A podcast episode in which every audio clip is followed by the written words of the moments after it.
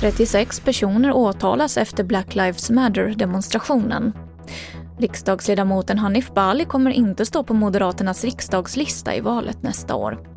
Och stölderna av katalysatorer fortsätter att öka kraftigt. TV4-nyheterna börjar med att 36 personer åtalas för upploppet efter Black Lives Matter-demonstrationen i Göteborg i juni förra året. Brottsrubriceringen är bland annat våldsamt upplopp, skadegörelse, våld mot tjänsteman och misshandel. Vi hör åklagaren Elisabeth Trové. Det är ett omfattande filmmaterial och sen är det ju eh, polismäns eh, iakttagelser. Det är den främsta bevisningen.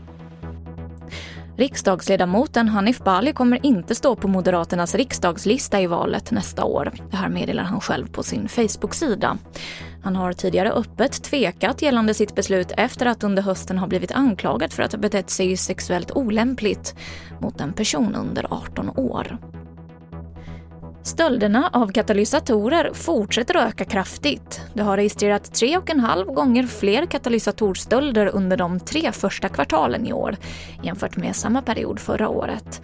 Det här visar den senaste statistiken från Larmtjänst. Och det är en helt ny grupp som misstänks ligga bakom. Fredrik Lindstedt är utredningsinspektör på Larmtjänst de eh, ädelmetaller som finns i katalysatorerna de tenderar inte till att bli billigare och eh, det kommer inte ut nämnvärt mycket mer av den varan heller. Så att, eh, det är väl en fråga om tillgång och efterfrågan.